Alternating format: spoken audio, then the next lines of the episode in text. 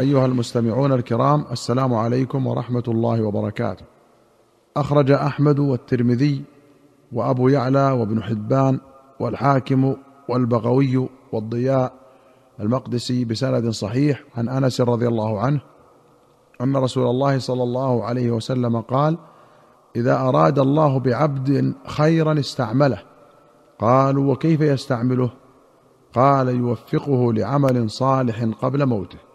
وأخرج ابن أبي شيبة وأحمد وأبو داود والنسائي والبيهقي في السنن بسند حسن عن عبيد بن خالد السلمي قال آخى رسول الله صلى الله عليه وسلم بين رجلين فقتل أحدهما ومات الآخر بعده بجمعة أو نحوها فصلينا عليه فقال رسول الله صلى الله عليه وسلم ما قلتم فقلنا دعونا له وقلنا اللهم اغفر له وألحقه بصاحبه.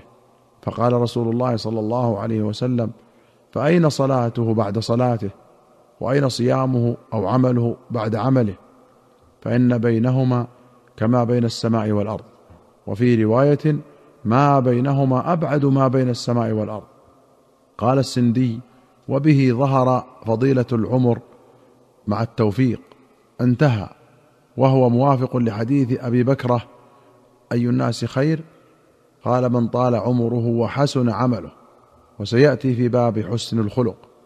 وأخرج مسلم عن جابر قال سمعت رسول الله صلى الله عليه وسلم قبل وفاته بثلاث يقول لا يموتن أحدكم إلا وهو يحسن الظن بالله عز وجل وأخرج مسلم عن أبي هريرة أن رسول الله صلى الله عليه وسلم قال إذا خرجت روح المؤمن تلقاها ملكان يصعدانها. قال حماد في روايته فذكر من طيب ريحها وذكر المسك. فيقول أهل السماء روح طيبة جاءت من قبل الأرض. صلى الله عليك وعلى جسد كنت تعمرينه. فينطلق به إلى ربه ثم يقول انطلقوا به إلى آخر الأجل. قال وإن الكافر إذا خرجت روحه قال حماد وذكر من نتنها فرد رسول الله صلى الله عليه وسلم ريطة كانت عليه على أنفه هكذا وذكر لعنا ويقول أهل السماء روح خبيثة جاءت من قبل الأرض فيقال انطلقوا به إلى آخر الأجل. الريطة هي الملاءة إذا كانت قطعة واحدة ولم تكن لفقين أي شقتين مضمومتين. والملاءة هي الملحفة التي يتلحف بها الرجل اي يتغطى بها. وقيل الريطة كل ثوب لين رقيق. وقوله انطلقوا به إلى آخر الأجل قال النووي قال القاضي المراد بالأول انطلقوا بروح المؤمن إلى سدرة المنتهى. والمراد بالثاني انطلقوا بروح الكافر إلى سجين فهي منتهى الأجل. ويحتمل أن المراد إلى انقضاء أجل الدنيا. وأخرج أحمد وابن ماجة والترمذي وأبو يعلى وابن حبان والبيهقي في السنن بسند حسن عن أبي هريرة رضي الله عنه أن رسول الله صلى الله عليه وسلم لعن زوارات القبور. قال البغوي في شرح السنة ذهب بعض أهل العلم إلى أن هذا كان قبل الترخيص في زيارة القبور. وذهب بعضهم إلى أنه كره زيارة القبور للنساء لقلة صبرهن وكثرة جزعهن وأخرج الشيخان عن أم عطية رضي الله عنها قالت نهينا عن اتباع الجنائز ولم يعزم علينا. قولها ولم يعزم علينا. قال الحافظ في الفتح أي لم يؤكد علينا في المنع كما أكد علينا في غيره من المنهيات. فكأنها قالت كره لنا اتباع الجنائز من غير تحريم.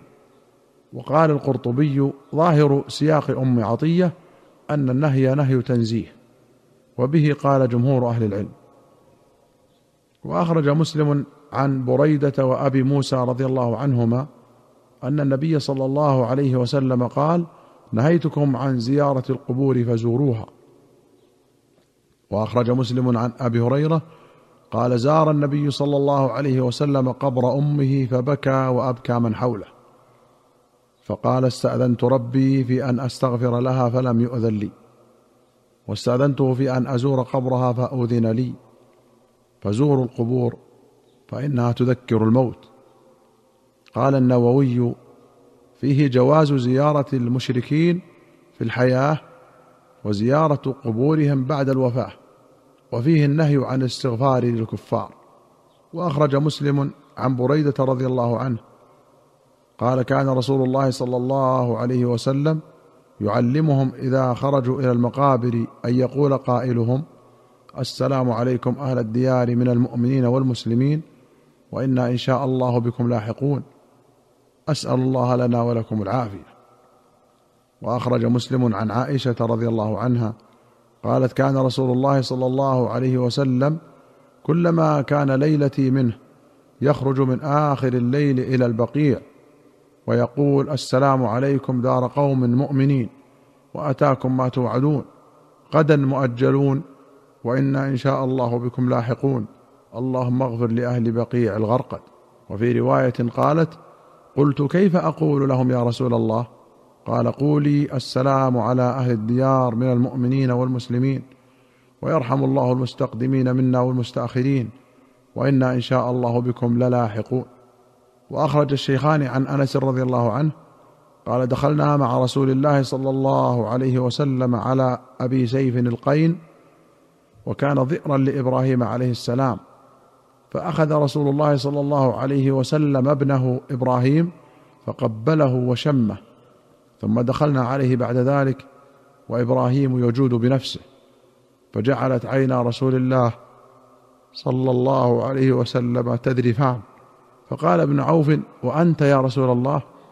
فقال يا ابن عوف إنها رحمة ثم أتبعها بأخرى فقال إن العين تدمع والقلب يحزن ولا نقول إلا ما يرضى ربنا وإنا بفراقك يا إبراهيم لمحزونون. وقال صلى الله عليه وسلم إن إبراهيم ابني وإنه مات في الثدي وإن له لذئرين تكملان رضاعه في الجنة. الذئر هي مرضعة ولد غيرها وزوجها ذئر للرضيع ولفظة ذئر تقع على الذكر والأنثى. وأخرج الشيخان عن أسامة بن زيد رضي الله عنهما قال أرسلت بنت النبي صلى الله عليه وسلم إليه أن ابنا لي قبض فأتنا. فأرسل يقرأ السلام ويقول إن لله ما أخذ وله ما أعطى وكل شيء عنده بأجل مسمى. فلتصبر ولتحتسب. فأرسلت إليه تقسم عليه ليأتينها. فقام ومعه سعد بن عبادة ومعاذ بن جبل وأبي بن كعب وزيد بن ثابت ورجال وانطلقت معهم. فرفع إلى رسول الله صلى الله عليه وسلم الصبي فأقعده في حجره ونفسه تقعقع كأنها في شن ففاضت عيناه فقال سعد يا رسول الله ما هذا؟ فقال هذه رحمة جعلها الله في قلوب من شاء من عباده وإنما يرحم الله من عباده الرحماء. الشن هو القربة البالية. أيها المستمعون الكرام إلى هنا نأتي إلى نهاية هذه الحلقة. حتى نلقاكم في حلقة قادمة إن شاء الله. نستودعكم الله. والسلام عليكم ورحمة الله وبركاته.